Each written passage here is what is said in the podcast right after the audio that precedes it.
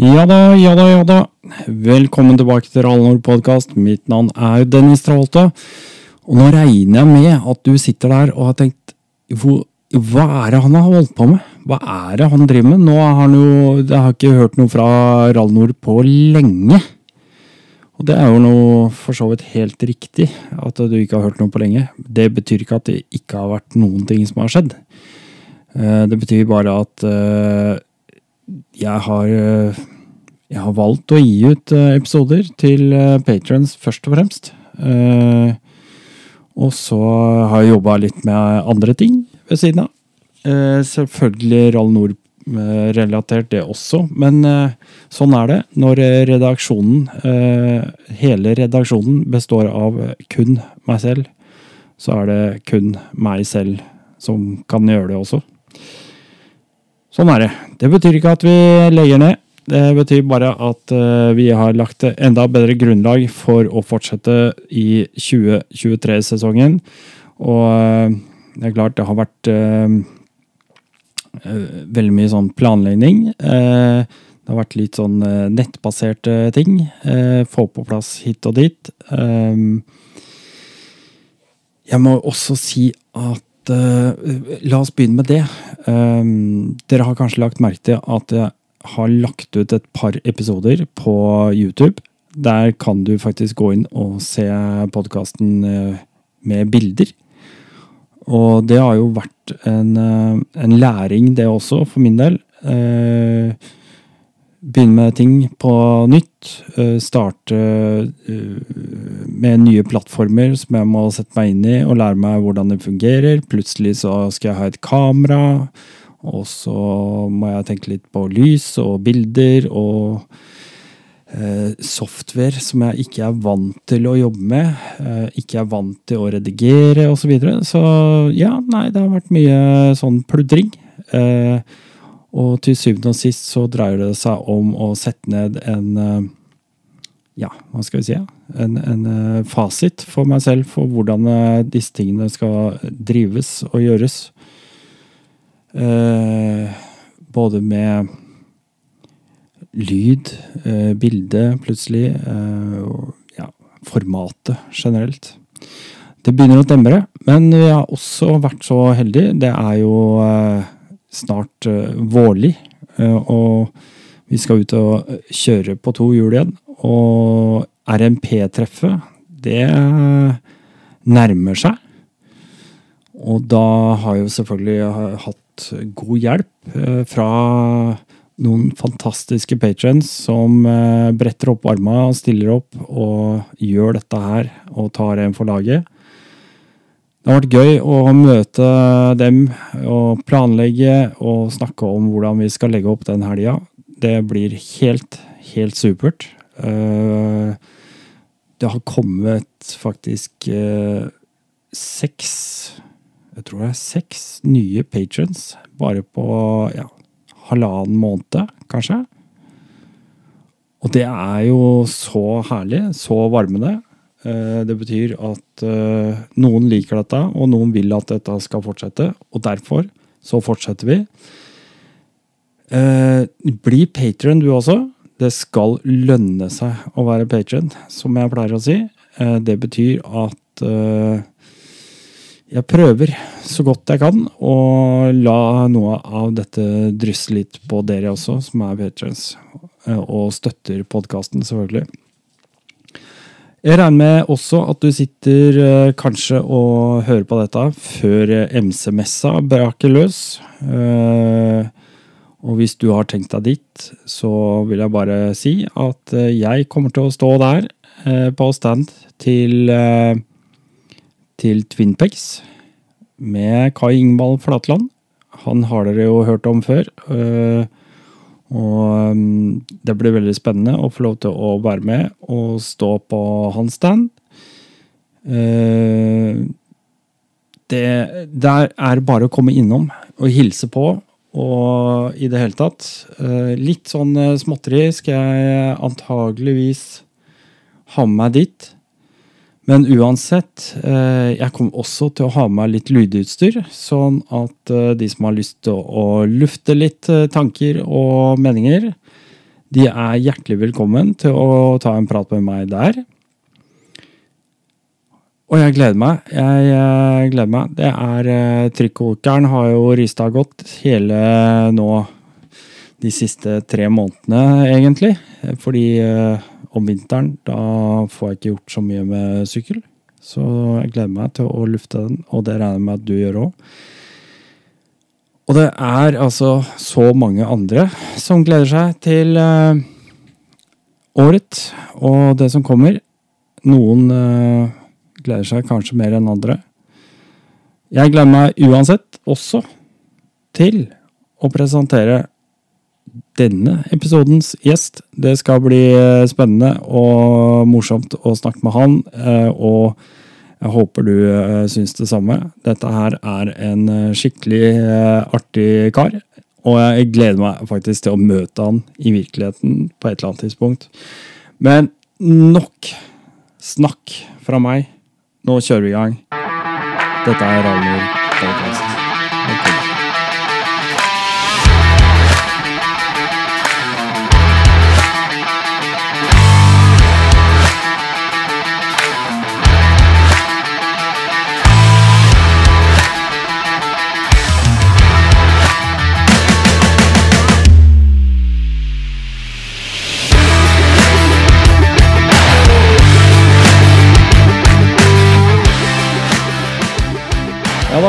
Det er nemlig sånn at uh, det begynner å bli gøy i Rally Nord. Det er uh, ting som skjer, og uh, det er mer og mer folk som begynner å skjønne at det er gøy å kjøre på grus, kjøre adventure, kjøre offroad og alle disse andre tingene som vi trenger litt sånne motorsykler med god fjæringsvei. Og i den forbindelse så har jeg fått en uh, ny gjest, selvfølgelig, i studio. Og i dag så har vi med oss ingen ringere enn Jon Christian Espeland. Velkommen til podkast. Tusen takk for det, Dennis. Ja. Kjekt å være her. Kjekt å være her. Vi har vært her før. Vi har prøvd nå i uh, ja, noen dager holdt jeg på å si, å få dette til å fungere. Det er jo uh, selvfølgelig sånn at tekniske ting og plattformer og alt fra hardware til software. Det har sine styrker og svakheter, og vi har vært gjennom de alle. Det har vi. Vi har tatt hele rekka. Vi har tatt hele rekka, og det ender egentlig, eller kulminerer med at uh, nå sitter vi eh, litt på old school-måten eh, på Messenger og bare tar dette her direkte. Ja da, men vi kan ikke klage på gamleskolen. De visste best. Sånn er det. sånn er det. Eh, til og med gamle revolvere fungerer i dag. Sånn er det bare. Du, eh, veldig artig som sagt å ha deg i studio. Det er, eh, det er kult at Rall Nord har kommet til et eh, punkt hvor eh, Sånn som for eksempel nå, forrige gangen eh, prata også om rally. I dag skal jeg også prate med rally, med deg. Eh, men først og fremst så må vi jo nesten bare få vite hvem er Jon Christian Espeland i de korte trekk?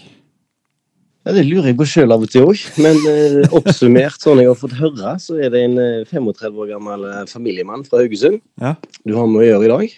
Han er um, politimann fra åtte til fire fra og med i morgen. Da er pappapermen ferdig. Ja. Og um, utover det så er det knast, rabalder og den type ting som gjelder. Rett og slett. Ja. Det er gøy? Ja, det er fantastisk. ja, det er gøy. Det er, eh, det er eh, kult å, å, bli bedre kjent med deg. Som sagt, eh, vi um, vi skal ta en Eller jeg skal ta en sånn liten sånn inntrykk fra min side. Fordi at det er jo sånn det, folk dukker jo bare ikke helt uh, ut av det blå opp i uh, Rallnord-podkast. Uh, på en eller annen måte så har jeg på en måte fått et scoop, eller jeg har fått en peiling. Og så sender jeg ut uh, noe skriftlig, som regel, og spør. du, hei, du bør jo være med her. Og da er det jo ofte en grunn til det. Og det er at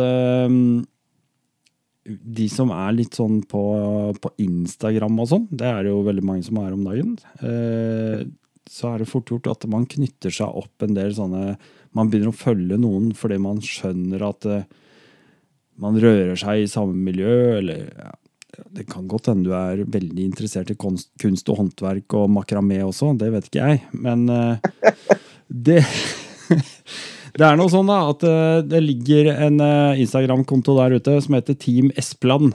Og da veit jeg jo det via andre at eh, ja. Det er en ihuga kar som har lyst til å, å, å kjøre motorsykkel framover.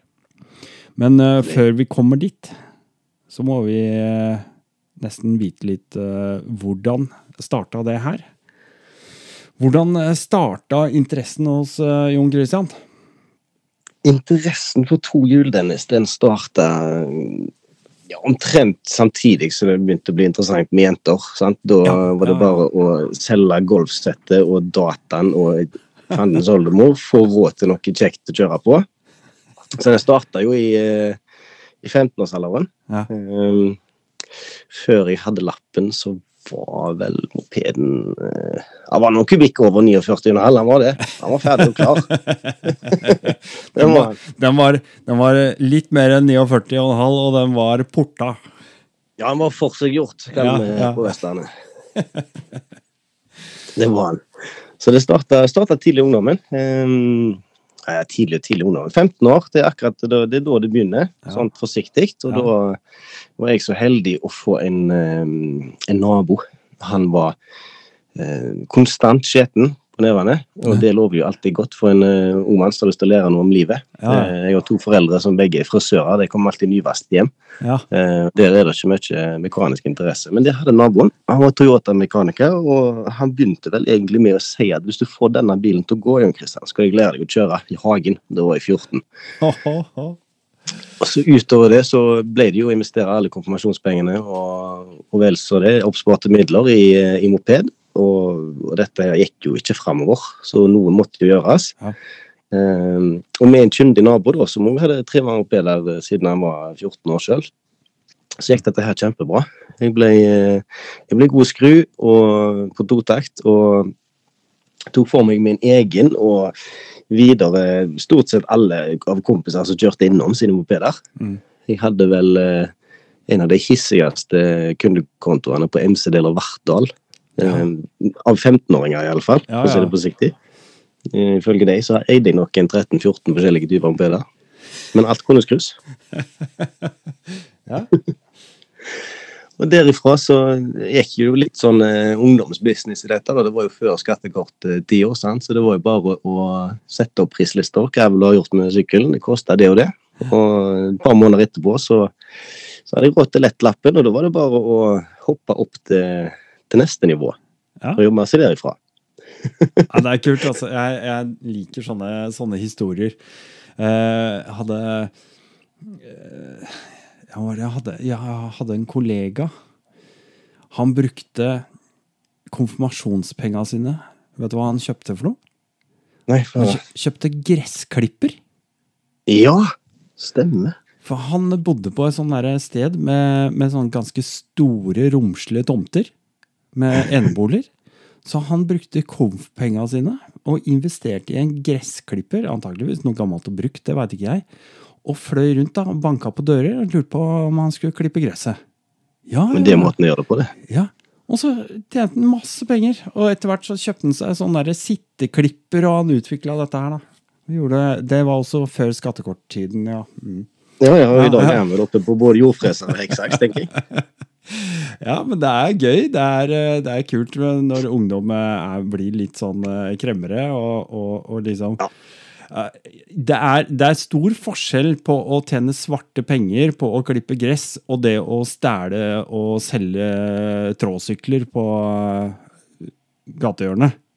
Ja visst er det det. Det ene er kriminalitet, og det andre er jo rett og slett faktisk lovregulert helt innafor når du er en liten bjokk. Ja, ja, ja. Så det, det, er bare god gang. Ja, det er kult. Eh, og der er du jo egentlig inne på noe. Det er akkurat som at eh, nå, nå prater vi litt sånn eh, lovparagrafer med en gang. Og jeg hørte liksom en, en sånn litt sånn klar, tydelig linje i språket her.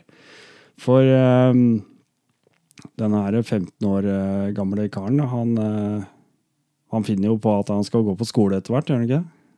Jo, han gjør det. Ja. Etter et noen runder med seg sjøl og det som kalles for privatisteksamen, og ta opp karakterer fra ubrukelig ungdomstid kun på to hjul, så da var, åpna dørene til Politihøgskolen seg etter hvert. Ja. De gjorde det. Ja, det er kult. Ja, jeg syns det var helt greit. Verken ordet høy eller skolen var jo det mest interessante, men politi det var gøy. Mm. Så jeg eh, jeg farta rundt både i Oslo og jeg var i Odda og jeg var, vet ikke hvor jeg ikke var. og Hadde litt praksis og mye teori mm. i løpet av disse her eh, tre årene mine. Og i, eh, på et eller annet tidspunkt så var jeg jo ferdig, da. Sto jeg der med ei eh, papirboda i hånda og beskjed om å gå ut og tvinge på deg en jobb. Ja. ja, det var jo det, det, er jo en liten kjapp digresjon. Det var vanskelige tider når jeg gikk ut 2014. Da var det ingen jobber. Nei. Og så hadde jo jeg hatt praksisplassen min, altså aspirantperioden. Den hadde jeg hatt uh, i et lite navlehold på Vestlandet som heter Odda. Ja. Det året der så ble Odda satt på kartet fordi at det var ei elv der som dro med seg halve byen på sjøen. Det stemmer, det. Det var storstilt. Og da pakket jeg bare bilen og kjørte mot Odda. Så ringte jeg lensmannen når jeg var halvveis og spurte hvordan det gikk med arbeidstidsbestemmelsene og folk på jobb og sånn. Så sa han i helvete, er du ferdig? Kom deg inn. Ja, jeg er halvveis på vei. Bare stikk vi skal begynne. så sikrer jeg min første jobb i fart. Ja, det er herlig. Odda, ja. Det er, eh, altså, det er fine områder. Um, jeg, ja, på to hjul. Det er jo vakkert. Ja, jeg slekter jo egentlig fra Stranda. Ja. Eh, så ja, jeg har ikke noe sånn Jeg har ikke noe sånn voldsomt Det har vært mye Ørsta og Volda og sånn, husker jeg, da jeg var liten guttunge. Ja. Eh, hadde slekt der borte. Og, og det, ja, det, er sånn eh, Jeg husker veldig godt det der å dra eh, gulrøtter rett opp av jorda og Jøss. Yes, her er det en gulrot med to sånne spisser på. Er det mulig? Ja. Og så gå, gå bort til et eh, gammelt oljefat med vann og stå der og vaske det og skrubba det reint og spiste rett fra jorda. Det det er sånne barndomsminner. Det brenner seg fast, altså. Ja, det gjør det. Absolutt. Det er, det er veldig fint der borte. Det er det. Ja, eh, du, du, begynner jo altså da, etter aspirantene, da begynner du altså i eh, politiet, og ja. Men du hadde jo kjørt motorsykkel før? Ja da. Jeg, eh, jeg, holdt jo gående fra jeg var 15 og, og hele veien oppover. Jeg, mm. Det gikk en god periode fra, fra, jeg var ungdom og til jeg fikk min første voksensykkel. Det mm. gjorde det. Den mm. kjøpte jeg eh, ei helg. Jeg var, jeg var hjemme fra politiskolen, reiste hjem og, og var med dattera mi hver helg. Ja. Og så var det en kompis som spurte om ikke jeg kunne være med opp på MC-butikken og uh, finne ut hva olje han trengte til sin sykkel. I og med at jeg var kyndig og politi og greier. Jeg vet ikke hvor mye politi har med olje å gjøre, men jo da, jeg skulle bli med, jeg. Ja, ja. Problemet var jo bare at han måtte jo kjøre bilen min derifra, for jeg gikk jo derfra med motorsykkel. Mm. Det var jo ikke helt planen. Ehm, da fikk jeg jo et visst inntrykk annet av hvordan Santander opererer. Sant? Jeg hadde jo en inntekt på minus 32 000 kroner hver måned. Om jeg kunne få lån? Ja, selvfølgelig. Ikke sant? Åh. Men gleden var større enn fornuften, så jeg kjørte derifra med sykkel. Og måtte bare hive meg på sykkel med en gang og komme meg til Oslo for å rekke skolen på mandagen. Ja. Men det er bra. Så det var, det var nudler og MC-glede i, i, to siste årene på politiskolen. Det var det. Hva, hva slags sykkel var det du endte med? Det, det, var en sånn en um, Sett deg tilbake og slapp av og oh, oh, ja. Det er ikke noe speileggsykkel. Uh, Honda Black Widow, tror jeg den heter. Jeg solgte den til ei jente etterpå. Hun ja, var kjempefornøyd med den. Det er sånn uh, softshopper? Ja, antageligvis. Ja. Noe sånt. Jeg, det, var, det var meget behagelig. Uh, men jeg endte jo alltid opp med sist i rekka når vi skulle kjøre tur. Jo, jo. Nei, men det, det er jo Ja man, man, har alltid mulighet til å forandre meninger, mener jeg.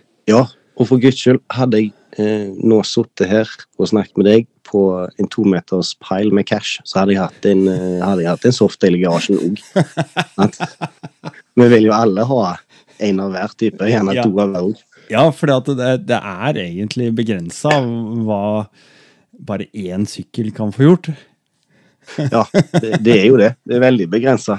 Jeg hadde Da peiler vi oss kjapt inn på en annen story, altså. Jeg, eh, det var en sommer her hvor, eh, hvor jeg hadde et søskenbarn som var på utenlandstjeneste, og jeg hadde en svoger som hadde eksamenstid. og jeg, altså det var en nabo med dårlig rygg. Så i gårdsplassen min der sto det altså da en Harley 883. Mm -hmm. Den var supershina med white walls og det hele, sant? Ja, ja. Så sto det en uh, blacked out Yamaha R1. Uh, og så sto det en Honda VFR 800. Så det var å si VFR-en, og da var det blekka kjerringa bakpå gjøre henne til lags, kjøre tur. Og så var det Yamaha R1 hvis jeg følte for uh, ja. Jeg følte vel egentlig aldri for den, for det gikk nok så inn i granskauen. Ja. Men eh, jeg hadde valget, kan du si. Mm. Det verste var jo å klare å finne klær til å kjøre alt dette her forskjellige. For det er jo måte på hvordan du skal ta deg ut når du kjører på forskjellige typer sykkel. det ser, det ser Ja, det er, det er, litt kult du sier. Vet du hva, jeg var jeg, jeg har også vært gjennom hele registeret med motorsykler, og så var det en gang eh, jeg hadde en eh, sånn eh, Java 350, vet du. Ja. ja sånn, eh, sånn tosylinder og og to, totakter, ikke sant? Ja. og, så, og så var det uh, Jeg kjørte Hva er det jeg kjørte? Jeg husker ikke helt sånn bekledninga, da, men altså, det går jo Det drar jo ikke skinnet av pølsa, akkurat, det der greiene der. Så det var liksom en sånn halv Tommy-hjelm, vet du, med, ja. eh, med noen sånne Biltema-briller eh, inni ja, der. Sånne ja, vernebriller. For det holdt jo. Det, du gikk jo ikke fortere enn fartsgrensa uansett hvor du var hen. Uh, og, så, og, så, var det sånn der eh, På MC Oslo så var det sånn prøvekjøringsdager på BMW. ja. Og der kom jeg vet med blårøyksykkelen min ikke sant? inn foran mm. MC Oslo. Det var tjokkfullt, det var dritfint vær, og det var pølser, og folk gikk og øh, slalåm mellom sykler og vet du. Og så var det prøvekjøringa. Så, så ser jeg de har en sånn øh, De hadde en BMW Jeg lurer på om det heter 1150 øh, RS, tror jeg det heter. Ja, uh, og det er en litt sånn der framoverlent uh, Ja, hva er det du kaller det for noe? En um, Street Fighter-aktig sykkel? Ja, stemmer. Litt sånn racing, en street fighter. Postura racing som mangler alle kopper. Ja, riktig. Ja. Akkurat sånn. En gul en. Den hadde jeg jævlig lyst til å prøve. Ja. Så satte jeg meg på den der, da, med den derre svarte svarte Tommy-hjelmen min med de Biltema-brillene og sikkert en bekledning som bare var helt feil, da. Det var helt feil, ikke sant? Ja, men det, det blir sånn på ja, ja. Det spiller jo ingen rolle. Så måtte jeg ut med og kom meg ut på, på E6 nordover, altså oppover forbi Furuset og den veien. vet du. Å dra på oppover. ikke sant? Og liksom, har lyst, Du har jo lyst til å kjenne på draget litt, da. ikke sant? Og tar, ja. tar jo litt sjanser, selvfølgelig. Jeg visste, jeg veit jo det er politi, men herregud, det er sånn. Sånn er det. Og, og liksom bare mate på. Og så, bare akkurat som en sånn fingerknipp, sånn derre Sånn. Så bare tar lufta tak i den Tommy-hjelmen, vet du. ligger litt framoverlent, ikke sant? Og så kommer bare lufta, presser seg opp under pannebrasken, inn i, hjelmen, og bare suger den. Det er akkurat som han har lyst til å bare suge den av huet, så han henger jo bare i den der stroppen som er sånn halvslapp. Så det ser sikkert ut som jeg har det kuppelhuet. det eneste bare... du ser, er inngangen på deg og bukselomma på baksida. Ja, ikke sant? Akkurat sånn, det, sånn følte jeg meg òg. Og det var bare Jeg holdt på å le meg og tenkte ja, jeg blir i hvert fall ikke tatt i noen fartsbøter nå, for jeg kan jo ikke kjøre fortere enn 80 her allikevel. Nei. Nei, det er helt Men uh, litt komisk, ja. Digresjoner, det må vi ha. Digresjoner ja, det må vi ha. Ja. Nei da. Det er, eh, nei, men det er gøy det er å få prøvd litt grann, eh, forskjellig. Da veit man hva Ja, man, man finner en retning etter hvert.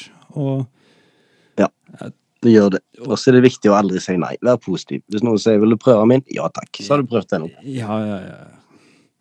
Nei, men du, Det er litt kult også at du er øh, Hvordan Hva skjer videre? Når du begynner i politiet, så har du jo du har litt lyst til å kjøre motorsykkel, har du ikke? Jo, jeg har jo Det er vel stort sett det jeg har mest lyst til av alt. Idet jeg finner ut at det, eh, det, går an å kjøre motorsykkel på jobb, så skjønner jeg jo hva retning det er meningen at jeg skal. Ja. Problemet er jo bare eh, hvilken innfallsvinkel og fremgangsmetode bruker du når du som blodfersk betjent eh, skal inn til sjefen din og si hei, trenger en halv mil du skulle kjøpt en motorsykkel så jeg kan bruke på jobb. Nei? Det er klart at eh, Når staten lager avtaler, så går det jo hett for seg. Og da, og da tar du en motorsykkel, eksempelvis en BMW 1200 GS, som var i den tida, på avtalen. og så Den koster 250 000.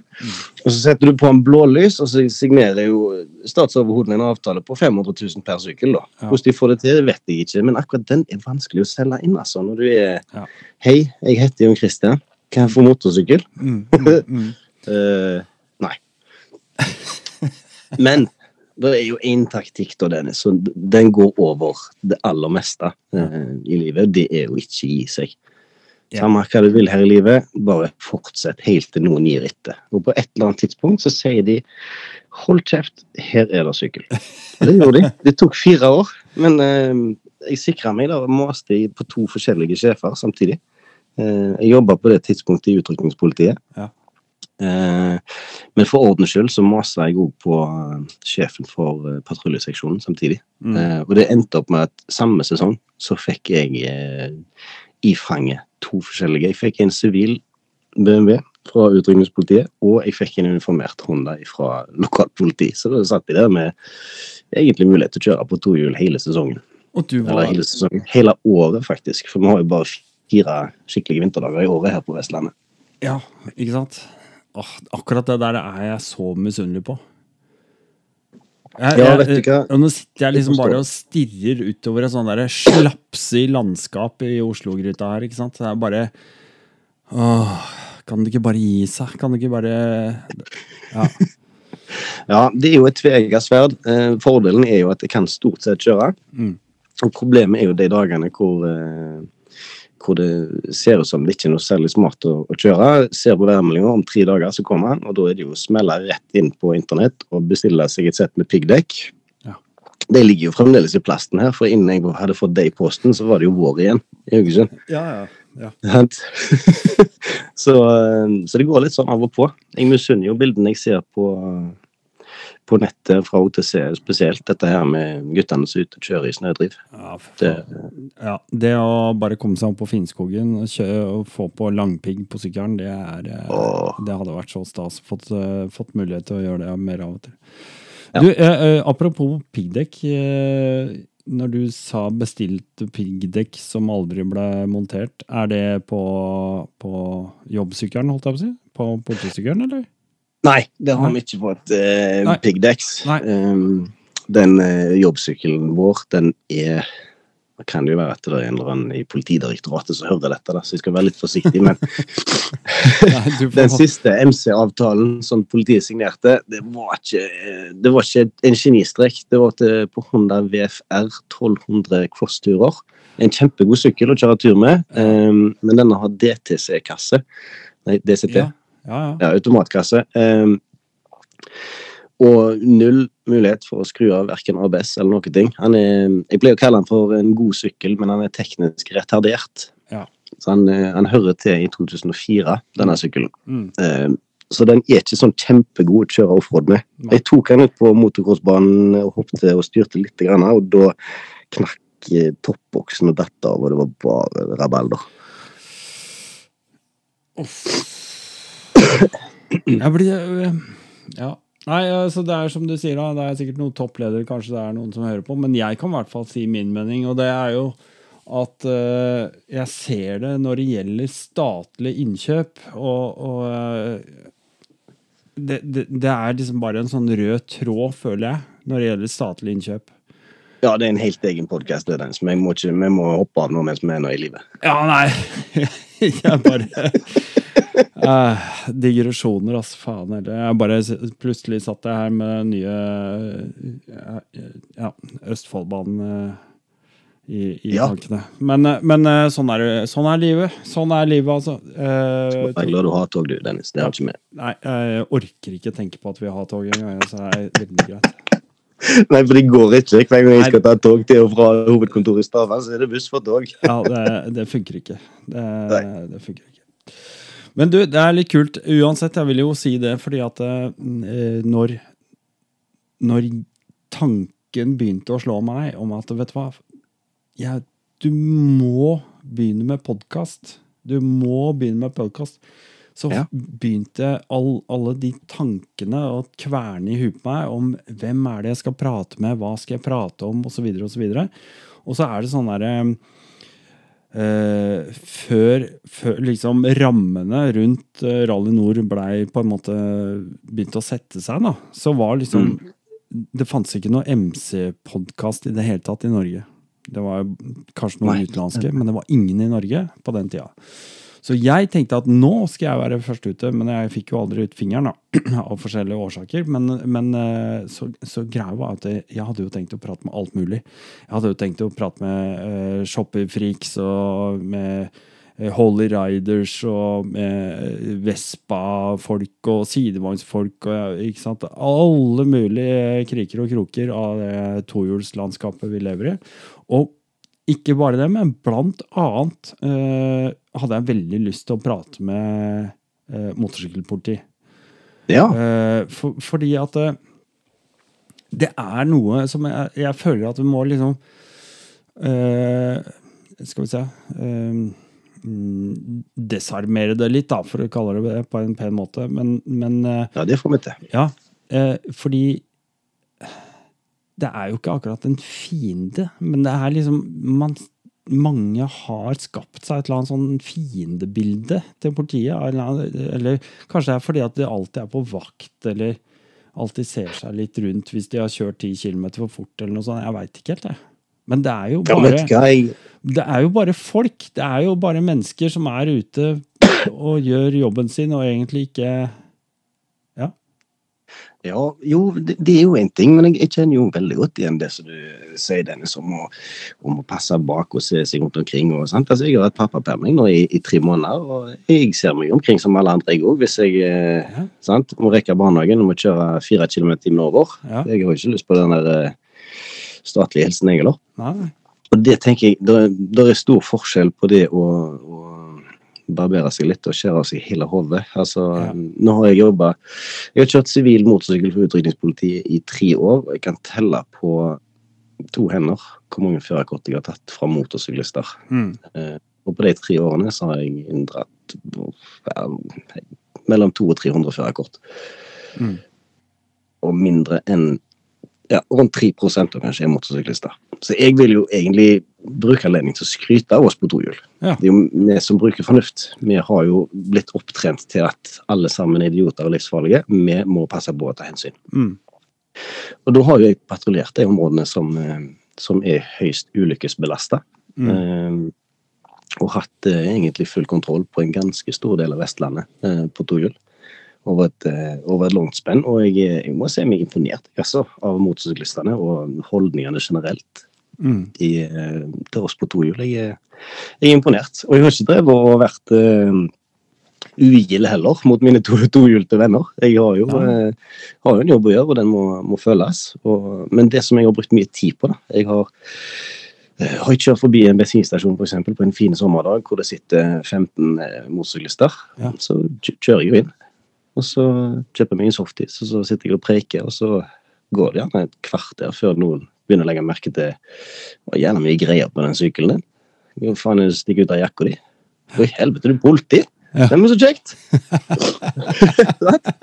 så jeg bruker litt tid på å få etablert kontakt som et normalt menneske først, og så ja. blir det den positive overraskelsen. Steik, faen, er du politimann, du? Ja. Både etter softis og banne og all slags, hvis du har lyst til det. Ja, og det tenker, eh, bekrefter jo det som du sier.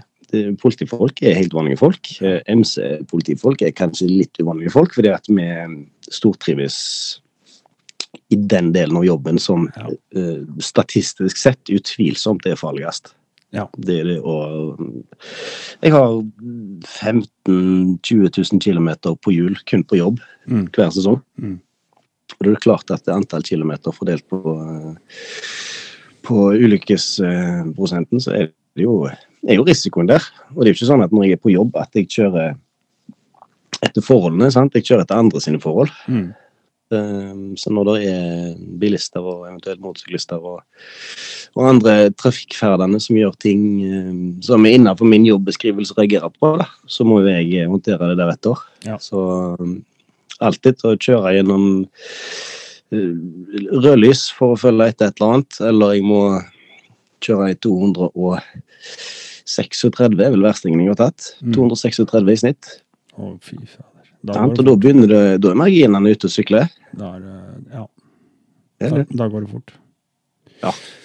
Men apropos det, altså, jeg blir litt ja, Jeg blir ikke overraska, men altså, hvis vi snakker om liksom, prosentandelen av de eh, som kjører motorsykkel for fort, kontra de som kjører bil for fort, så tenker jeg også sånn eh, eh, eh i, Sånn jeg ser det da, som motorsyklist, det er at eh, jeg vet at uh, noen som sitter i bil, syns det ser fryktelig hasardiøst ut når jeg kjører motorsykkel. Ja. Uh, men det er fordi at de har ingen kobling til motorsykkel. Mest Nei. sannsynlig. De, de, de, har aldri verken sittet på eller hatt lyst eller et ønske om å utsette seg for å være på en motorsykkel.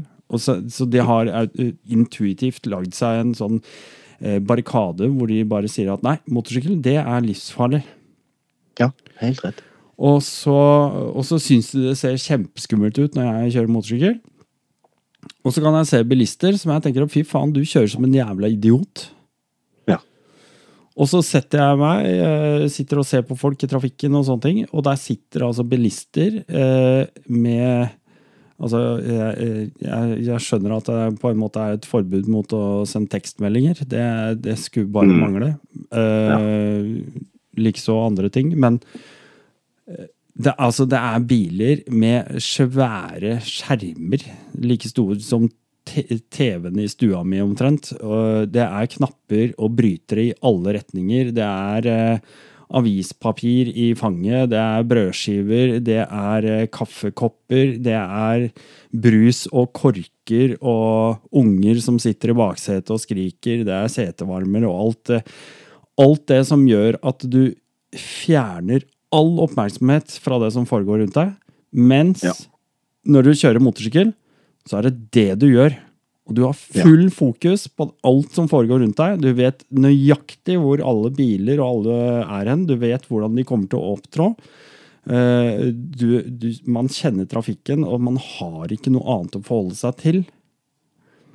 Og dermed så er man mye mer observant. Jeg, jeg sier til meg selv jeg, jeg er sånn aktiv passiv-fører når jeg er ute og kjører motorsykkel. Vet hva jeg fikk i hodet mitt nå, Dennis? Nei statlig pålagt og subsidiert MC-førerkort til alle før de får B-lappen. Ja. Got to be their first man.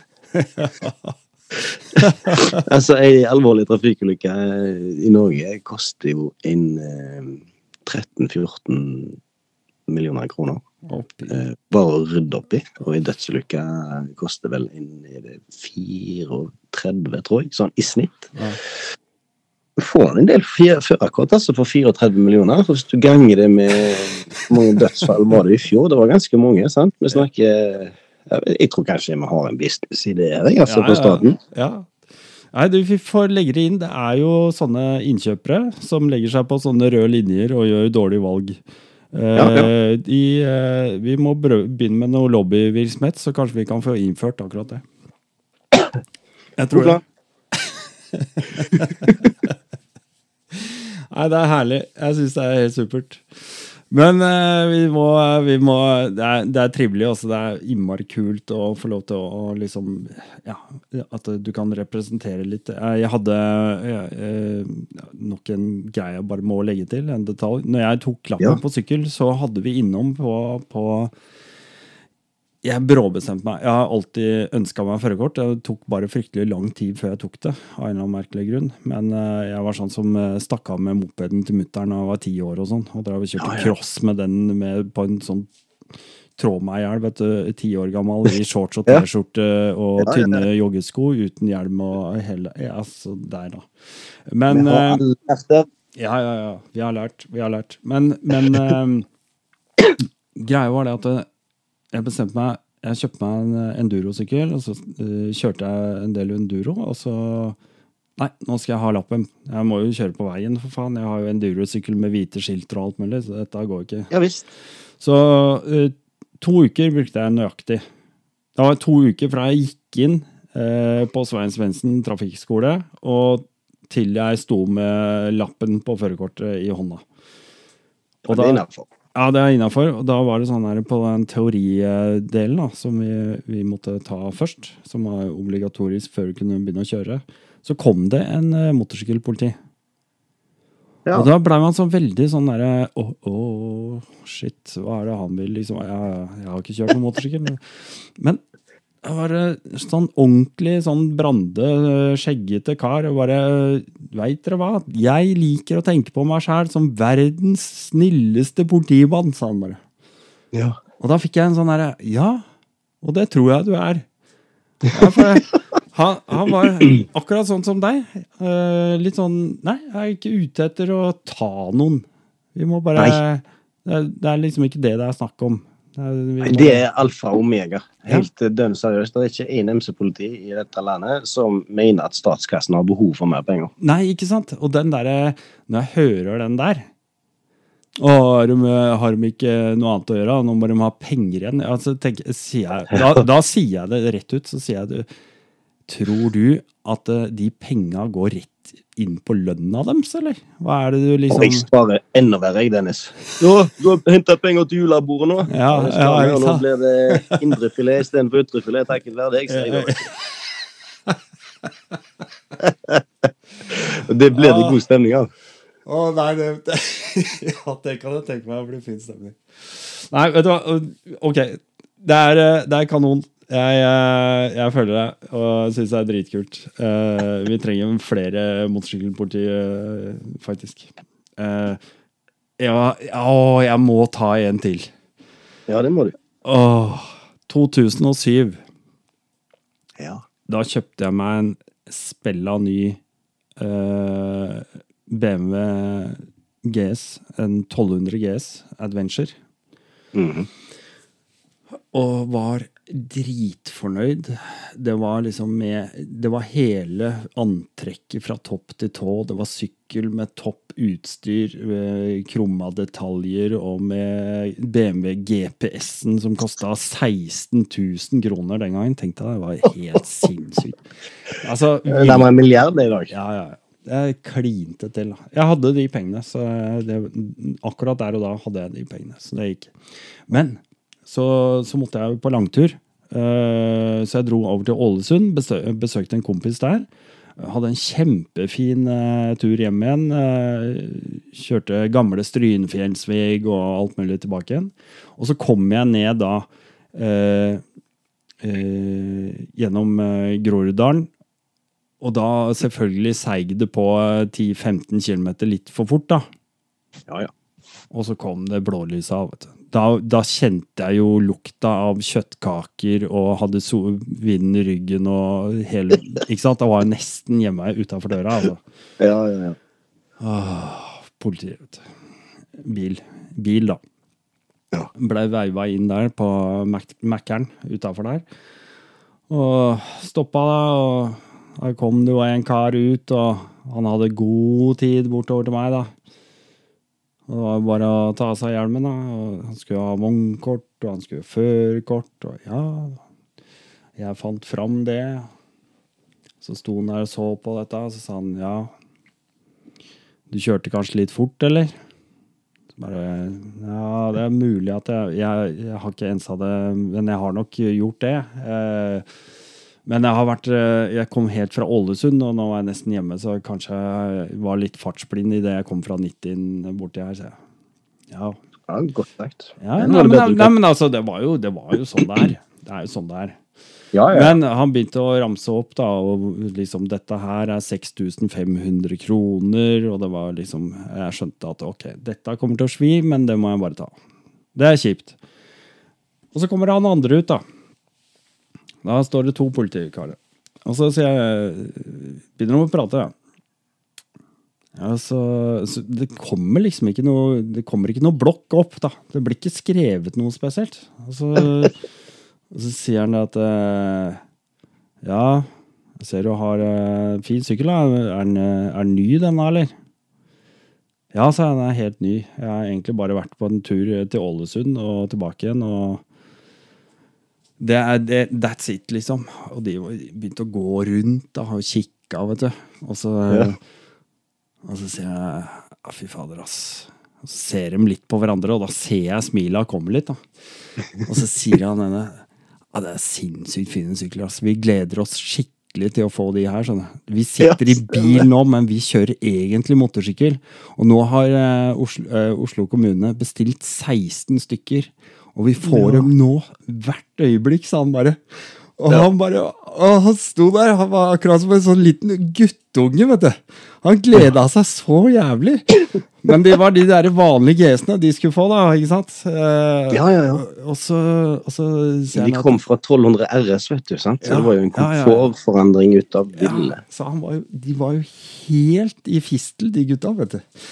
Og så, Og så, så sier de at eh, Ja Nei, men eh, du veit, vi skjønner jo det at eh, du har jo ikke kjøpt den sykkelen her fordi at du skal kjøre for fort.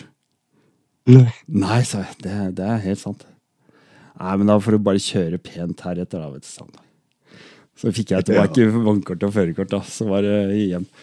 Åh, Ja, det... da var jeg dritfornøyd. Jeg var kjempefornøyd, da. Men, eh, men denne historien kommer jeg aldri til å glemme. Jeg synes det var kjempegøy. Nei, for det er jo rett og slett sånn at det er um, Loven er proppa full av ting, av ting du eh, ikke skal gjøre. Og, eh, men det står ikke det står ikke noe plass i loven at eh, alt skal bøtelegges. Alt skal påtales til enhver tid. Neida. Og da er vi tilbake på de store forskjellene her i livet òg. Og det er jo derfor jeg har trivdes så utrolig godt på på sivilsykkel, for da, da går det an å overse enkelte ting uten å egentlig reklamere for at ting er greit, Mm. og så kan vi plukke opp det som er Ja. fysj-fy. Men uh, du, uh, Jon Christian, du blir jo egentlig litt lei eh, av å bare kjøre asfalt etter hvert, gjør du ikke det? Jo, jeg gjør jo det. Ja. Um, karrieren min har jo stort sett vært på asfalt. En liten kjapp tilbaketur til da jeg var 15-16, det var jo det at jeg hadde jo en, en grisefin sånn her 50 kubikk racing-moped. Ja. Den lånte jo, byttelånte jo jeg vekk til fordel for en, en gammel MT5, fordi den var det knast på. Ja. Sant? Så en eller annen plass nedi der var det jo sådd et frø. Ja. For å si det forsiktig. Mm. Um, men, eh, men etter hvert som jeg eh, som jeg vokste til å, å få kjørt mine kilometer, for å si det forsiktig, på asfalten, Mm. eh, så kjenner jeg jo at eh, tida er virkelig inne for å, for å investere litt på egen hånd òg. Ja. dette er jo noe jeg har prøvd å få pressa inn i familieøkonomien i årevis. Eh, og på et eller annet tidspunkt så klarer jeg å gjøre en skikkelig bra deal. Eh, Kona har lyst på flere unger, eh, jeg har lyst på motorsykkel. Så jeg, ja, ja, får vi inn hver. og det er ikke bra. Ja. Eh, så jeg kjøper meg en eh, Jeg springer rett og slett til, til, til KTM i Stavanger og sier eh, hei, eh, jeg har lyst på en KTM 690, for den har jeg hørt var bra. Ja. Nå, når var dette? Hvilket år? Hvor... Ja, Det er jo ikke så lenge siden. Det var 2021. Ja. Så det er jo egentlig vinteren for ett år og et kvarter siden. ja, det stemmer. Da springer jeg bort der og sier at jeg har lyst på en KTM 690, eh, for den har jeg hørt det bra. Mm. Og så sier han ja, det kan du få. Eh, Vi har eh, ingen på lager, men du kan få en om tre uker. Så ja, fine greier. Og så sier han men hvis du vil ha en 701 Husqvarna, det er samme sykkel, så kan du få den om et kvarter. Så jeg ja, men hvorfor i helvete står du her og snakker med meg? Gå til faen og skru den ut av veska, sier jeg. Ja. Og Bang han og skru den i hop. Sykkel hadde jeg med meg. Du hadde med samme dag? dag? fikk jeg meg en, en Husqvarna. Ja. Kult. Det var jo kanon. Eh, Jeg gjorde jo Jeg gjorde jo det som vi, mannfolk kan best. Jeg gjorde jo min, min hjemmelekse i forkant. Ja. Så den sykkelen kom jo levert. Jeg måtte hente med varebil, ikke fordi den ikke kunne kjøres, men fordi alt som fulgte med, det måtte ha en plass å være. Ja. Så jeg hadde jo en halv varebil med motorsykkel, og en andre halvparten hadde jeg fylt opp med deler. Stort sett fra fra, fra eh, Rebel Exports og Cross Country oh. Adventures. At eh, her, nå skulle det kjøres, og det skulle orienteres, og ja. ja. Du hadde planen klar, med andre ord? Jeg hadde planen klar, jeg.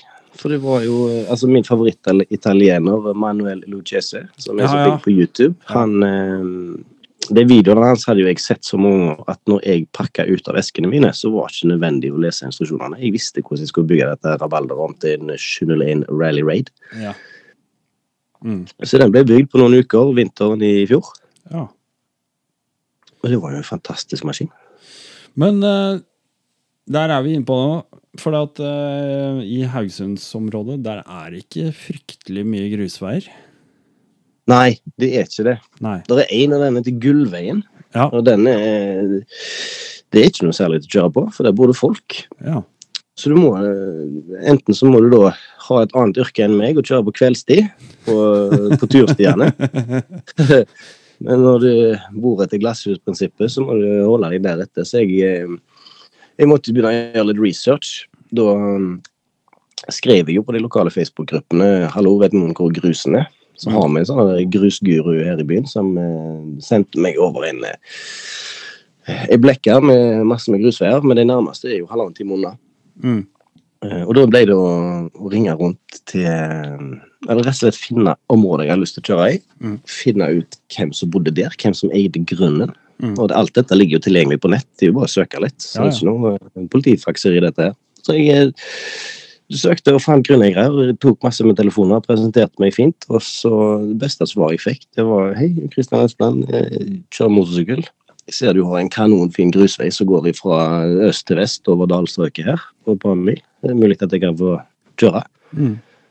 Kjente, hørte jeg han var litt sånn ambivalent eh, stemningsleie, Ja. hvis du har hørt det før. ja, ja. Så jeg vet ikke hva, jeg liker det egentlig ikke, for det er en del som kjører her. Ja. Men fy faen, når du faktisk ringer og spør, yes sir, vær så god, ta deg ut. Bare Ja. akkurat eh, over toppen der er det noen sauer, ikke kjør på deg, ellers er det bare å kose seg. ja. Kult. Så den type opplegg måtte, måtte til da. Ja. Ja, det er eh, ja, jeg, er ikke, jeg er ikke akkurat eh, veldig eh, bortskjemt med grusveier i, midt i Oslo-gryta her heller. Altså, det er ikke så lett. Er, skal et stykke av gårde, faktisk, før det begynner å skje noe som helst. Men uh, du kan jo ikke bare drive og kjøre på et par uh, striper oppi der, antagelig. Men uh, så, så veit jeg det at eh, Eh, apropos eh, Instagram, som vi var innom helt til å starte med, så har vi en annen eh, kar som kanskje noen eh, kjenner igjen. og det, Han kaller seg altså noe sånn som eh, No Way Racing, og heter eh, Halstein eh, Mala. Halsteingutten, vet du. Ja, Han, eh, samme måte som du fant meg, så fant jo jeg han på ja. Intergrammen. ja, Så der dukka han opp, og vi begynte å prikke og styre unna. Så i ja, hva var det i fjor, sensommer en gang, så drev meg og han og snakket om at vi kanskje vi skulle tatt oss en tur på denne her eh, Roadbook Sør-Norge-rundløypa. ja, det var i 2001 da, da. Du begynte å traffe han, eller? Ja, 21 i hvert fall. Men, ja, 21. Ja. Ja. Men uh, bor, Nei, bor nei, han nei. Vent, nei, nei, det var i fjor. 2022. Ja, på vårparten? Ja, ja. Ja, okay. Ja det. Det er ikke lenge siden. Nei, men, men bare spør er, er han fra området hos deg, eller? For dere østlendinger så er han jo det. Fra Os ut forbi Bergen. Det er Tre timer å kjøre. Så det er rett borti gata her. Stemmer det. Riktig, Ja riktig, riktig. Nei, men meg og han begynte å preke det om ikke vi skulle møtes. Jeg har, eh, jeg har vært så smart at jeg har eh, lært meg litt flere fag. Så jeg har et bierverv som snekker, så da hadde jeg god grunn til å kjøpe varebil. Mhm. Eh, så den fungerer jo egentlig mye bedre til MC-transport enn til noe snekkertransport. Ja, ja. For det er mye kjekkere å kjøre. Men jeg begynte å preke med han, og så kom vi fram til at han skulle komme ned til meg. Så skulle vi laste opp varebilen, dra på tur og prøve å ta et par av disse her rundene. da. Så kom det ting i veien, men da datt jo han innom at det var noe som heter Rally Grenseland. Ja.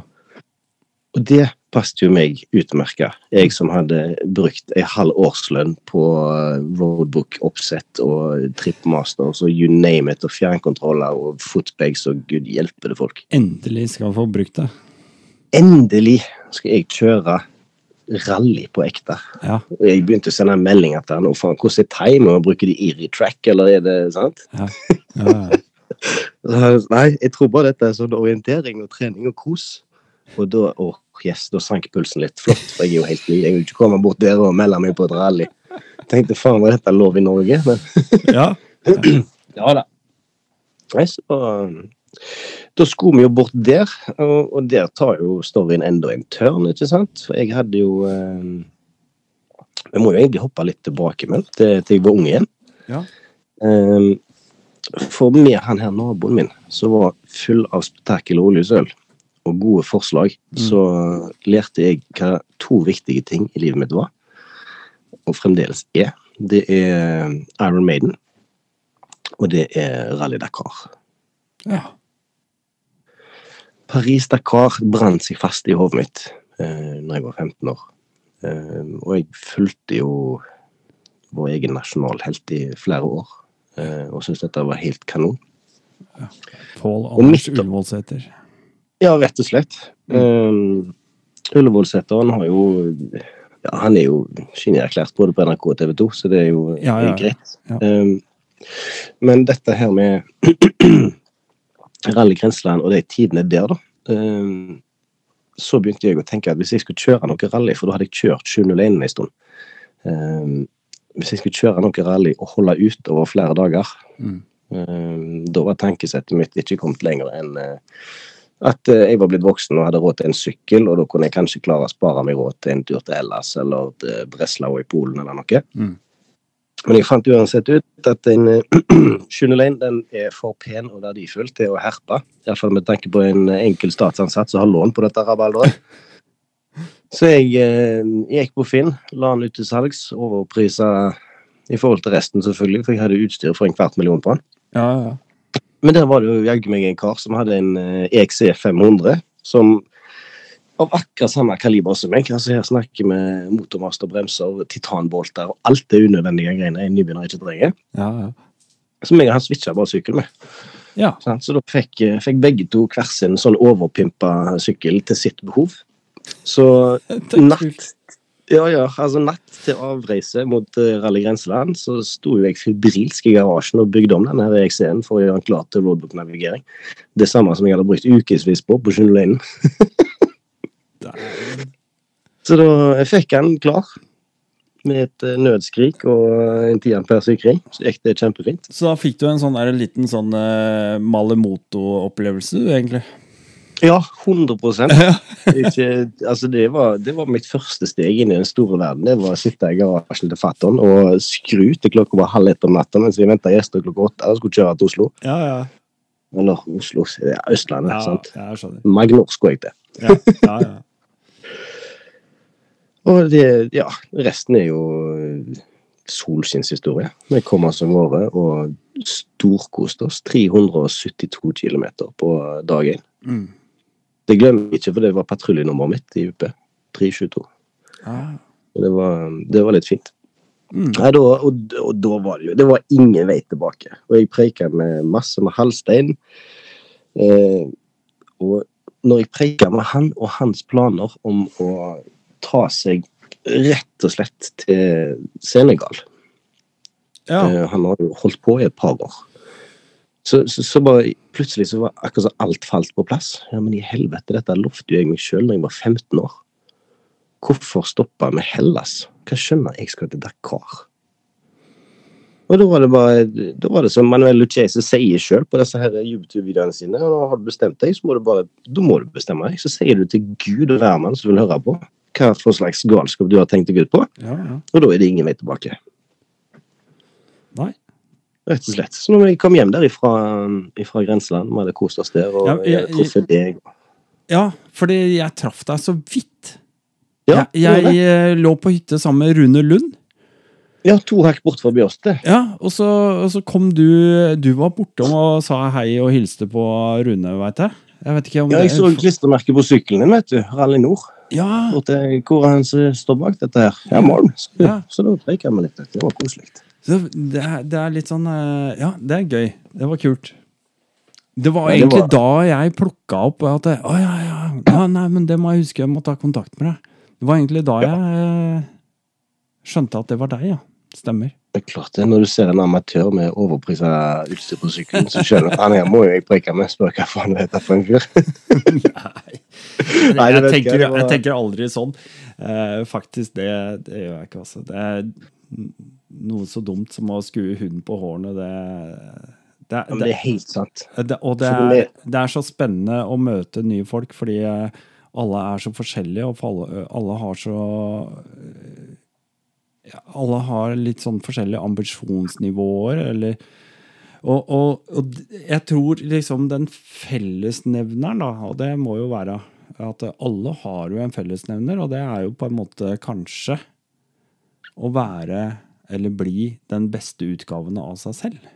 Det er helt sant. Og det var jo ikke akkurat så vanskelig å merke inne på Montebello camping der. Iallfall blant oss eh, tilreisende. At det her var der Det var en gjeng med mennesker som var så imøtekommende og genuint glad for å være der og være en del av, av dette opplegget og dele lidenskapen sin. Mm. Eh, Det var jo med altså, et par tilfeller hvor jeg var, var ute og observerte mennesker snakke sammen, og det, hvis noen nevner jeg skulle hatt en, sånn, så er det tre stykker som står der med en dianøkkel. Skal jeg hjelpe til? Ja, ja. Ja, for det, det, er jo, det er jo et sånt eh, Hva skal vi kalle det? Det et interessesamfunn egentlig uten like. Mm. Ja. Du, du, møtte du andre som, som du syns var interessante der? Så, noen Jeg tenkte på Ja. um, Jeg gjorde det, vet du. Vi hadde jo eh, Åh, nei, nå står det helt stille. Det er et par andre karer som skal kjøre eh, eco-race nå. Ja, disse her eh, A4-guttene. Ja, ja, ja, selvfølgelig. Ja, nei, de var ikke der nå i høst. De var der i vår, vet jeg. Ja, det var i høst. det. var De var der i vår. Stemmer. jeg har preka litt med deg jo på, Ja, ja, ja. på Instagrammen. Ja. Um, så det blir jo kjempespennende å følge deg. Jeg smalt jo litt inn i spleisen deres òg, selvfølgelig. Når det er jo felles gutter som skal ut på tur. Ja, Så jeg, eh, jeg regner med, hvis de gjør dette, at de smeller til en liten slant tilbake når jeg jo får den panikkspleisen 60 dager før, om to og et halvt år. det må du gjøre. Det må du gjøre. Nei, um, jeg har jo um, ikke, ikke den utstrekningen, men en viss forsvarsbakgrunn sjøl. Og jeg er i politiet, så jeg, jeg skjønner godt hva det er de holder på med, og jeg syns det er dritkult. Mm, mm. Det er snakk om å bare gi gass og klare seg på sine evner, og, og den type eh, Den type innstilling til, til en for hvermanns nær umulig oppgave, Mm. det er bare Ja, det er helt rått. Så jeg håper, ønsker de alt lykke til, og håper det går skambra. Det får vi gjøre. Det ønsker vi jo alle. Ja, det gjør vi. Men du kjører altså hjem eh, fra Rally Grenseland. Og har bare fått enda mer tenning, antagelig. Jeg har fått overtenning. Overtenning, ja. Full overtenning. Det er rett hjem, rett på Facebook. Søke Motocross Haugesund. ja. Og um, finner jo lokalklubben ute på Karmøy. Ja. Eh, For de som ikke vet hvor det er, så er det heller ikke interessant. Det eneste du gjør der, det er å lande på Haugesund lufthavn på Karmøy, og så tar du første buss over til Haugesund. Ja. Men eh, det er en motocrossklubb der, så jeg eh, ringer og sier hvordan gjør jeg dette her? For jeg er jo eh, 100 offroad-jomfru utover eh, rabalder med naboen i 15-årsalderen. ja. Men eh, det ble jo tatt godt imot. Eh, jeg får meg eh, ta noen lisensprøver, jeg tar noen teorigreier, og jeg melder meg på trening. Så får jeg trent en fire-fem timer, tre-fire timer, før jeg finner ut at eh, om et par uker så er det noe som heter eh, noe som heter Karmøy Endurance. Det er et fire timers enduroløp som rett og slett bare går feil vei på motocrossbanen. Ja. Uh, med sjikaner istedenfor hopp og litt sånn forskjellige sikkerhetselementer. Og masse med ruts. Og nei, det var ikke riktig. Mm. Så jeg tenkte at det er jo en genial plass for en, uh, for en nybegynner å starte. og Bare kjøre fire timersløp og gi gass der. Ja. Så eh, jeg forteller et Halstein hva som foregår, og før jeg får lagt på telefonen, så ser jeg han på polomeldingslista. Da er han inne, han òg. Han melder seg jo på som hører bør i Dakar-klassen. Det ja. samme gjør jeg. Fire timer dønn alene. Sett i ettertid så er jeg veldig glad for at uh, min min datters halvbror ringer og spør om han kan få lov til å være med å kjøre. Okay. Så sier jeg ja, jeg skal ta den for laget. Du, du blir med på mitt lag, du også. Så deler vi opp dette firetimersløpet. Så bytter vi litt på. Ah, ja. Og I tillegg da, så får jeg med meg antageligvis den største instagrammeren av oss alle på tohjuler i Norge, Runa Grydeland. Hun må du få tak i. Ja. Ja, Hun blir med på laget mitt. Å, kult. Ja, hun hadde ikke kjørt fire minutter engang. Hun kjøpte seg én dags konkurranselisens og sa ja, men jeg er med. Tøft. Fantastisk sporty jente. Så hun ja. fikk lånt seg et gammelt rabalder av en eh, Kawasaki 250. Eh, den viste seg å holde i 1,3 runder. Eh, så var den ute, så da var vi to igjen. Og han han, han bror til dattera mi, han hadde en Honda som lakk både olje, eksos, vann og avløp. Så den holdt i fem-seks runder. Så da var det sånn det var 3,1 times uh, endurance ja. på meg, da. Du tar den for laget. Ta en for laget. Jeg tok den for laget. Uh, ikke med stil, men med fatning. Ja, ja. Jeg uh, var vel han ene som klarte å velte noen gjerder der, og litt sånn forskjellig. Ja. Men jeg tenker at Får du noen problemer Jeg, jeg sendte jo en melding til Vilde Holt, da. Hun er jo relativt dugende på tohjul. Så jeg sendte melding til henne. Har du noen bra tips? Der fikk jeg at er du i tvil, så er det bare stramveier. Og det følte jeg jo så godt jeg kunne. Eh, men det var en opplevelse som ikke Altså, det å se det der eh, målflagget ja. på et tidspunkt hvor jeg ikke var helt sikker på verken hvor jeg var eller hva jeg het, jeg var så gåen og sliten, og teknikk var Ingenting var på stell. sant? Jeg var så kjørt. Men den der euforiske følelsen av at Kristian, eh, nå er du i mål. Mm. Den eh, ja, den satte seg fullstendig fast. Det er kult. Ja, ja, ja. Jeg var klar til å begynne på ny rett etterpå. Ja. Nei, det er, eh, det er tøft. Jeg, jeg, liker sånne historier som det der. Og, og det vitner jo bare om at du er klar for å bare gønne på. Og, og det, er, det er noe med det Altså, ja, man er jævla sliten der og da og liksom tenker at det er godt å være ferdig også. Eh, på mange måter. Så er det jo sånn, men det går jo ikke lang tid. altså Har man lyst til å gjøre det igjen, da? Nei, overhodet ikke. Og så vet du at det som skal til, er trening. Og jeg er litt der at Jeg er jo blitt en, eh, en voksen mann, og jeg er blitt eh, politimann, og med dette her så følger jeg jo et visst krav om om eh, selvinnsikt og selvkontroll og alt dette greiene her. Mm. Selvkontroll det har jo ingen av oss som, eh, som kjører motorsykkel, fordi vi er jo på, på, internett for å sjekke været, og plutselig har vi bestilt nye dekk og noen holker. sant?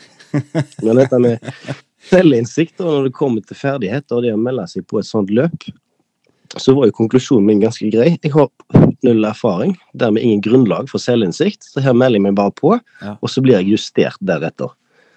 Og han, eh, Kontakten min i klubben, da, Espen Vestre, heter han. En fantastisk fyr som har tatt meg med i enduro-miljøet der. Ja. Det første han sa til meg når jeg kom i mål Ja vel, justert litt grann av forventninger nå, eller? Jeg bare, Eneste glad til å sitte her og holde kjeft og snakkes på lørdag. Så ja da. Nei, det er, eh, det er deilig når man overvinner, overvinner eh, liksom alle sånne Ja, man liksom man, man, man eier forventningene. Man eier uh, gjennomføringene. Ja.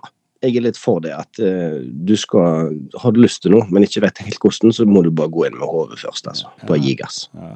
Ja. Men du gi gass, du, fordi at uh, det skjer jo ting. Du, du, skriver, du skriver, en liten sånn personlig bloggpost som du hiver opp på Facebook.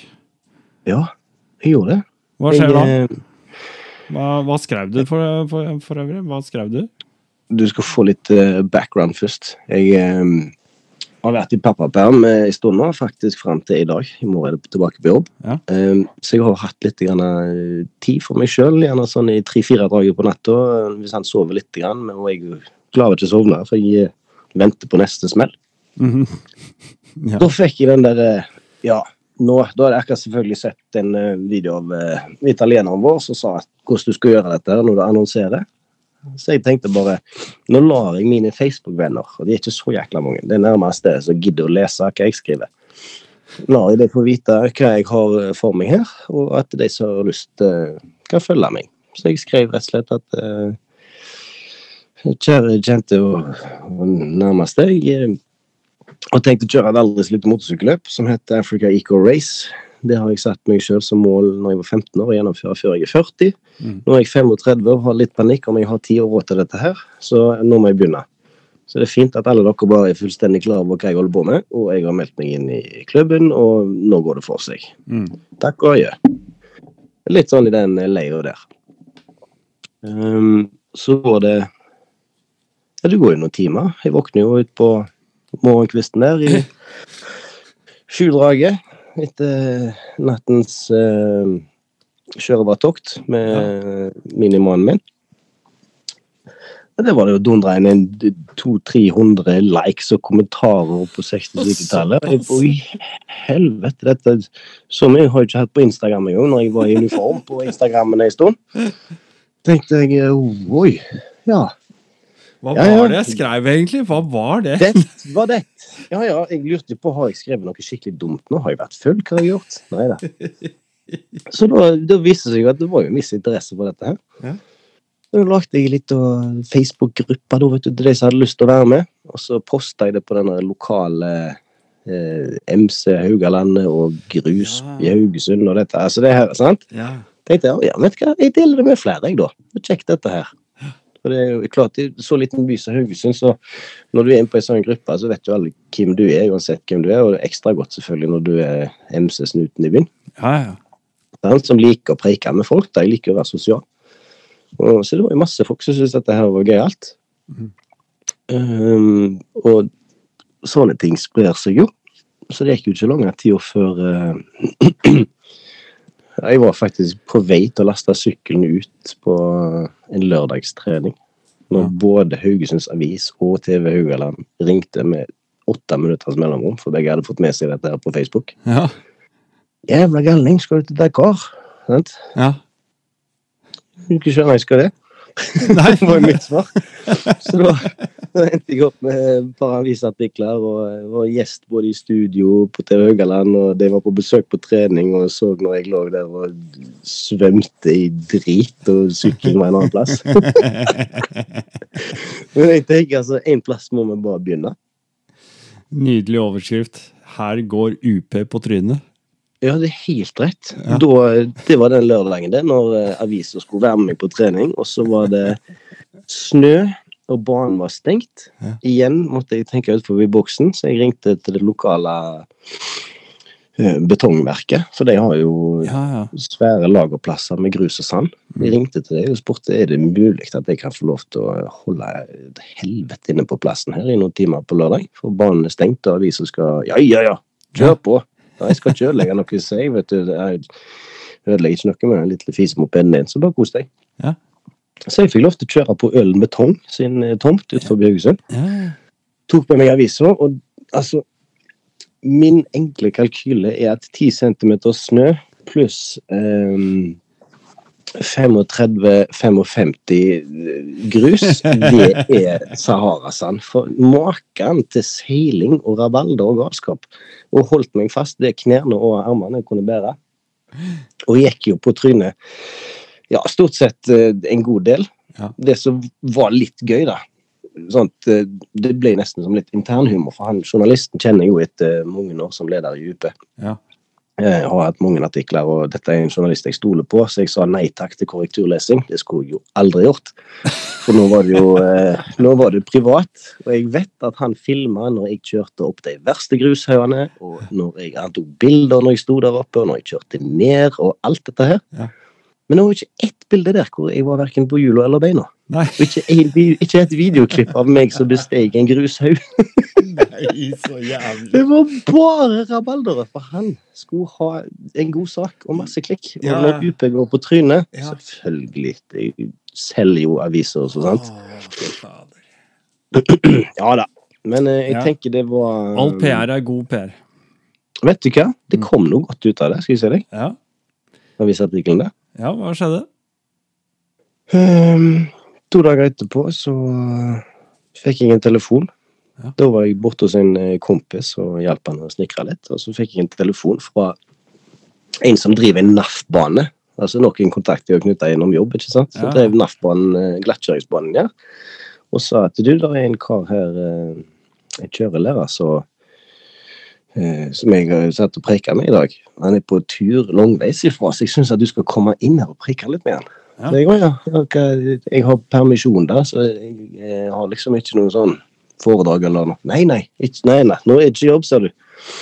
Han, eh, han kjenner en kar som heter Pål Anders Ullevålsæter. Har du hørt om han? Å, hold kjeft, sa jeg og la på, og kjørte jo rett inn, sant. Ja, ja. Og inn og preika med han her kjørelederen. Kanonkjekke kar.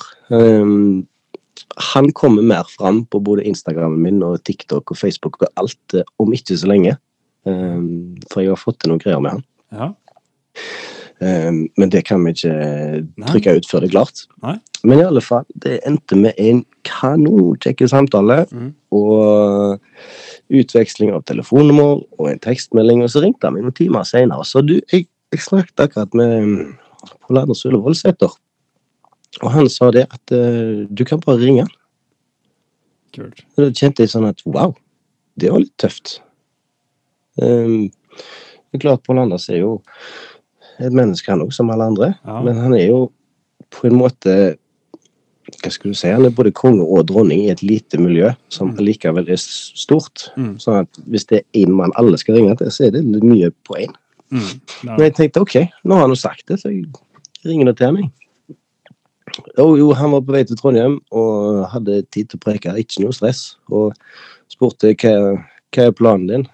Sier jeg at jeg har lyst til å reise til, til Dakar. Jeg har lyst til å kjøre Africa Eco Race.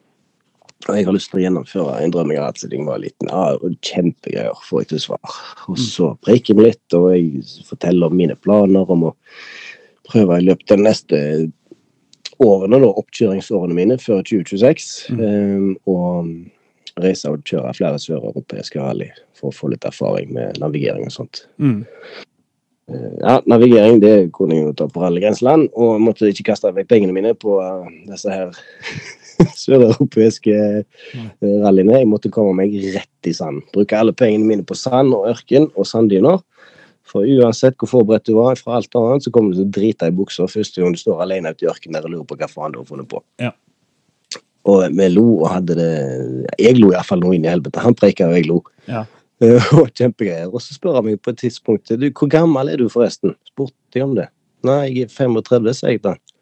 Å ja, men for faen. Det er jo nå det begynner, mann. Ja. Dette blir bra. Dette får du til. Og så må du ringe akkurat de på hvor du vil. Kult. Og det var altså da mitt første møte med min idrettshelt siden jeg var bitte liten. Ja. Eh, og det syns jeg var ganske Ja, jeg syns det var gøy, og det var motiverende, og det var Det var litt den type menneske jeg alltid prøver å være Mm. i min jobb, da, som Mm. politi. For da er du på en måte et, eh, et uskrevet forbilde likevel. Ja. Og da prøver jeg å leve opp til de forventningene som kanskje folk har ut ifra sånn de kjenner deg i media. da. Mm. Og det er ikke så veldig mange som klarer å være den samme. Jeg har truffet nok av politikere på jobb for det er sånn, som ikke er helt den samme som de er på TV. Ja, det, Og det andre kjendiser òg, for så vidt. Ja, ja, ja. Men det er et fåtall da, som er seg sjøl, og, og det følte jeg virkelig at eh, at, eh, at herr Ullevålseter virkelig var. Så det, jeg skal på kjørekurs til våren og ja, skal få med meg det jeg kan. Mm. Ja, det er kult. Jeg kjenner det Ja. Det er, eh, det er kult. Jeg har også møtt han noen ganger. Jeg har snakka om det før, så jeg gidder ikke å ta det igjen. da Men, eh, men jeg, jeg kjenner meg helt igjen i det du sier. da Han er liksom bare seg sjøl og er veldig sånn folkelig type. Ja. Mm. Veldig fin fyr. eh, i, i hvert fall for miljøet og, og sånne ting. da. Ja, og For en fyr som meg, da, som er helt ny og blank, og som har veldig ambisjoner og interesse, så er jo han en bank. Og når han da bare åpner hvelvet og sier 'forsyn deg', så er jo det Du kan ikke få det bedre. Nei, det er herlig. Hva, hva har du gjort i forhold til motivasjonen nå framover? Hva, hva, tenker du nå framover? Hvordan, hvordan liksom har du spissa dette? Uh... Det første jeg gjorde, det var faktisk ganske drastisk. Jeg sa fra meg den beste jobben jeg har hatt i mitt liv. Oi. I utrykningspolitiet. Så fra og med i morgen så kjører jeg ikke lenger fast motorsykkel og gjør alt dette her på jobb. Jeg har jobba her i seks år. Um, og så ga jeg meg. Rett og slett til fordel for uh, null turnus, faste arbeidsdager til, eller halv åtte til halv fire hver dag. Mm. Og det vil si mulighet for å trene på alle klubbens treningstider. Ehm, fri i helgene til å reise og kjøre på grusturer, navigasjonstrening. Komme meg av gårde til Rally Grenseland og det som verre er. Mm. Så det var ganske sånn Jeg fikk nesten litt hjertebank når jeg sa det her nå, at jeg ikke skal jobbe i UP i morgen og begynne på jobb igjen. Og du må, og nå, nå skal du skal trene så fælt på dette her, så er du jo faktisk nødt til å bli patron nå, så du kan være med på RNP-treffet. Ja visst. Det er et godt poeng. Her er det bare å melde seg inn. ja, det er bare å skynde seg. Jeg lover deg, du, du, skal få tre roadbooks og kose deg med fra torsdag til uh, søndag. Fantastisk. Det er bare å kjøre på. Anser meg som innmeldt, min gode mann. Og det gjelder alle dere andre som hører på der ute også.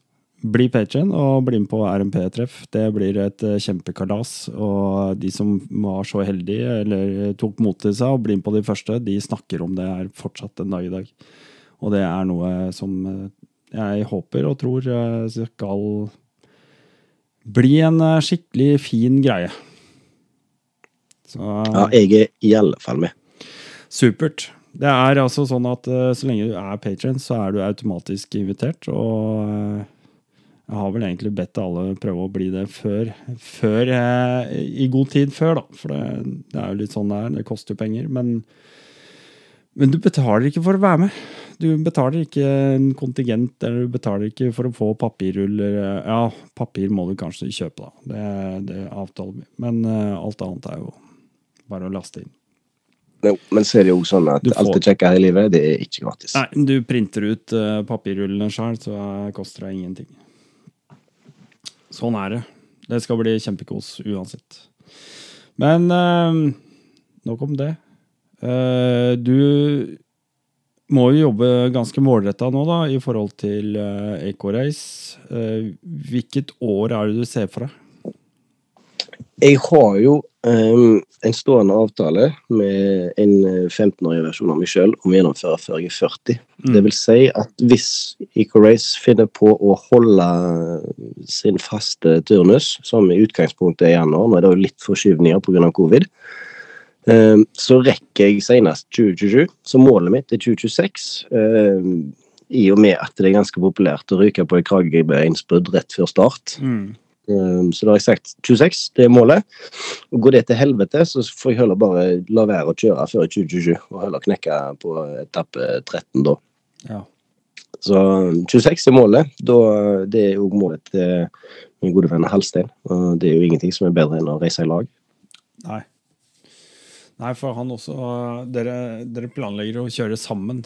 Eller liksom Ikke ja, han, kjøre sammen, men altså liksom han planlegger å kjøre fra meg. Det skal vi faen bli to om hvis jeg får trent i tre år. Jo, jo. Men uh... det, er, eh, det, er, bare sunn kniving. Uh, ja, men jeg regner med at uh, i, i byvakken så, så, er dere jo kompiser og hjelper hverandre ja, uansett. Ja, Klarer vi å komme oss av gårde på et såpass storstilt prosjekt som mm har både de økonomiske og treningsmessige kravene som mm. et sånt løp har, så er det jo klart at det er ingenting som er bedre enn om to mannfolk som bor to timer unna hverandre, kan reise sammen. Nei. Det her snakker vi jo både transporter og vi snakker leieting. og ja. Altså, ja, Det er mye som kan planlegges smart for å, holde kostnadene nede. da. Ja.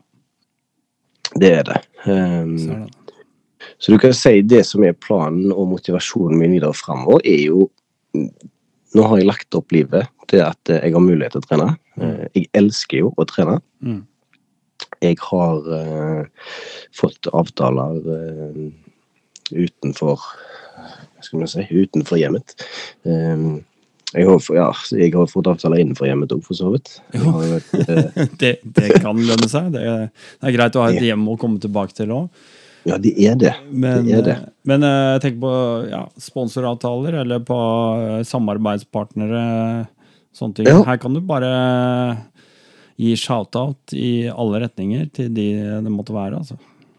Ja, ja altså her er det så enkelt at jeg, eh, jeg fikk min første sponsor egentlig ganske kjapt etter at jeg uh, la ut dette her. Så var det uh, Skal jo sies at dette her var jo det, det, var jo gjennom nettverk en, en, god kamerat av meg som er daglig leder på et bilverksted, Utvik Autoservice på Karmøy.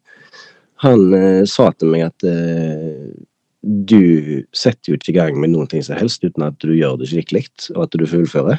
Mm. Så dette her galskapet her, det, det, har jeg lyst til å være med på. Mm. Og så spør jeg han ja, da må, skal vi lage noe møte med han som eier verksted og greier. da. Nei, nei, nei. Dette her skal jeg fortelle han på mandag, at dette blir jævla bra greier. Så bare kom ut du, og så får vi til noe. Så jeg har eh, Innholdet i avtalen får bare være, men jeg har En av de beste tingene jeg har, det er jo et svært og ubegrensa verksted med full tilgang. Så jeg kan eh, skru og mekke og kose meg ti minutter fra banen på, på Karmøy. Ja.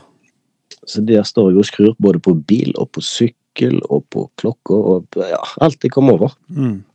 Så det er fantastisk. I tillegg så har jeg eh, i løpet av neste uke eh, tre-fire, fire faktisk, nye avtaler som jeg skal offentliggjøre.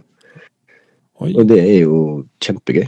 Vi er jo langt ifra millionavtalene hvor jeg bare kan sette meg på fly og reise til Afrika med det første. Ja. Men det at noen på bakgrunn av eh, det jeg har prestert til nå i livet, av å gjennomføre ting, og det de kjenner meg for, og det de eventuelt kjenner meg gjennom andre for, er villig til å gi meg et klapp på skuldra og et push i rett retning og litt hjelp, mm. det setter jeg jo utrolig stor pris på. Mm for å si det forsiktig. For dette her, eh, som statsansatt og far tre, ja. og med ei kone som vil ha salt i såret, ja. så er det klart at det, jeg klarer ikke å reise der til i 2026 alene. Nei. Det gjør jeg ikke. Nei, det ikke dette avhenger av at noen tror på mitt prosjekt. Ja. Eh, jobber du og Halstein sammen om det, noen av disse, eller? Eh, vi har snakka en del strategi sammen. Ja. Um, og vi utveksler veldig mye erfaringer, men vi har to litt forskjellige innfallsvinkler. Okay. Uh, Halstein har, uh, har, sitt prosjekt, og det er et prosjekt uh, som det står kjemperespekt av fra min side. så jeg, jeg, ser bare fram til at han òg skal få alt dette her på stell, mm. og at vi reiser ned der sammen med hvert sitt team, hånd i hånd. Ja rett og slett. Så kan, eh, kan, vi dra der ned. Eh, hva det heter Hva var det de fant opp under covid? Alene sammen. Ja, riktig. Ikke sant? ja. ja da. Nei, men det er kult. Det er kult. Med, med to team må vi utveksle alt utenom sparepengene våre. Ja. Dette tror jeg blir knallbra. Ja, veldig bra. Nei, jeg, dette det blir veldig gøy å, å følge med på utviklinga, holdt jeg på å si, og, og, og liksom retningen, da. Ja, jeg skal prøve å lage høy underholdningsverdi hele veien, så godt jeg kan. Ja. Og så Det er bare én ting som er helt bombesikkert, og det er at uh, jeg, jeg gir meg ikke. Dette skal, dette skal vi få til. Ja, klart det. Oh, ja. Må jo det. Må jo gå høyt ut og gjennomføre. Ja. Må gå hardt ut, og så dra på litt underveis. Hvis det er noen av lytterne der ute som føler at de kan uh, være med og hjelpe Jon Christian Espeland på veien, så er det fritt fram til å ta kontakt med han. Det regner med han setter stor pris på. 110% Det er ikke noe å lure på der. Um, er det noen sånne siste Skal vi ta noen sånne siste avsluttende ord, eller er det noe Har du noe, har du noe life hacks eller noe sånt noe du har lyst til å komme med før vi runder av? Det viktigste jeg kan si, hvis du er i denne båten som du antageligvis er når du sitter og hører på Rally Nord-podkast, da er du mann, og du er helt uten vurderingsevne hva kommer til kostnader av eget eh, MC-forbruk, så er det én ting som gjelder. og det er happy wife, happy motorsykkel life. Ja. Så for eksempel nå var jeg eh, tre minutter forsinka til avtalen min med Herr Travolta fordi jeg lagde egg og bacon kveldsmat til kona og unger, og satt de foran Harry Potter og diska opp med litt smågodt, så far kunne stikke seg vekk og gjøre motorsykkelgreier. Ja, De småtingene der, det å òg vaske ull på mindre enn 90 grader Gjør du noen sånne småting som det der i livet ditt, gjerne uten å ha blitt sport, så vinner du jækla mye. Og så den viktigste av alle, da, selvfølgelig. Hei, vennen. Kan jeg få lov til å Ja, da bare svarer du ja. Svar ja hver eneste gang, uansett hvor jævlig yes, det er, og hvor hardt det går ut over yes, deg og fredagskvelden din. Yes, bare si ja. Bare vær en yes man. For på et eller annet tidspunkt så kommer det andre spørsmålet. Det er uh, Kalle Grensland en ekstra dag i år. Hvor fint det er, eller? Og da ble jo svaret ja, det går fint. Det går fint. Så da kommer alt det gode du har gjort for det siste halvåret. Det er bare smeller opp som nyttårsraketter i trynet på henne. Og alt du ser, det er slengt kyss og smilefjes, og så får du det så du vil. Ja. jeg syns det var så herlig, og nå sitter jeg og tenker eh, på alle dere der ute som har sittet sammen med sin kjære hånd i hånd en uh, tidlig søndagsmorgen og hørt på Rallnord podkast og fikk de siste avsluttende ordene til uh, Jon Christian Espeland og tenkte å, fy faen, det der skulle vi ikke hun ha hørt. Men Det er helt nydelig. Helt fantastisk. Jeg, uh, jeg, må bare takke så mye for praten, Jon Christian.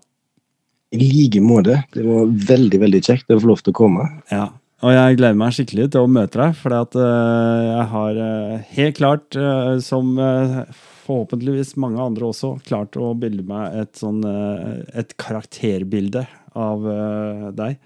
Og det blir veldig gøy å møte deg igjen. Takk i like måte. Jeg har prøvd å presentere det som er bak denne her mikken. Um, jeg syns det var nydelig. Så jeg regner med at de som jeg får lov til å være så heldige å bli eh, kjent med ved neste korsvei, de vil eh, kjenne igjen denne her eh, halskrotingen her. Nydelig. Vi takker for nå. I Rally Nord-podkast så går det bare rett ned i shownotes. Du veit hva du skal gjøre. Du skal gi meg stjerner, ratings, gjerne en tilbakemelding hvis du gidder det. Det tar deg kanskje to minutter og en smultring. Og så må du gå inn på uh, nettsida mi. Uh, det er jo sånn at uh, året har jo starta med brask og bram med nye ark, som det heter. Jeg har fått skrapa sammen en nettside som er sånn noenlunde greit stamla på beina. Der kan du gå inn og klikke deg inn på episodene. Så hvis du har vært livredd for disse appene og alt dette tullet, jeg syns jeg oppdager det stadig vekk, at folk veit ikke åssen de skal høre på podkast, så kan du gå inn på nettsida, så går du rett inn på episoder, finner episoden du vil ha på, klikker linken og press play, og så har du den på enheten din, uansett hva det måtte være, om det er et nettbrett, en datamaskin, eller eh, kanskje du har en eh, Ja, whatever. Det finner du der. Uh, og så blir du patron, ikke sant? For det skal lønne seg å være patrion. Jeg gjør mye for patrions. så sånn er det. Until next time, så heng med. Det kommer mer utover året, og jeg gleder meg veldig, veldig mye til alle de kommende gjestene jeg skal ha her. Det blir mye spennende å prate om og med framover. Takk for nå.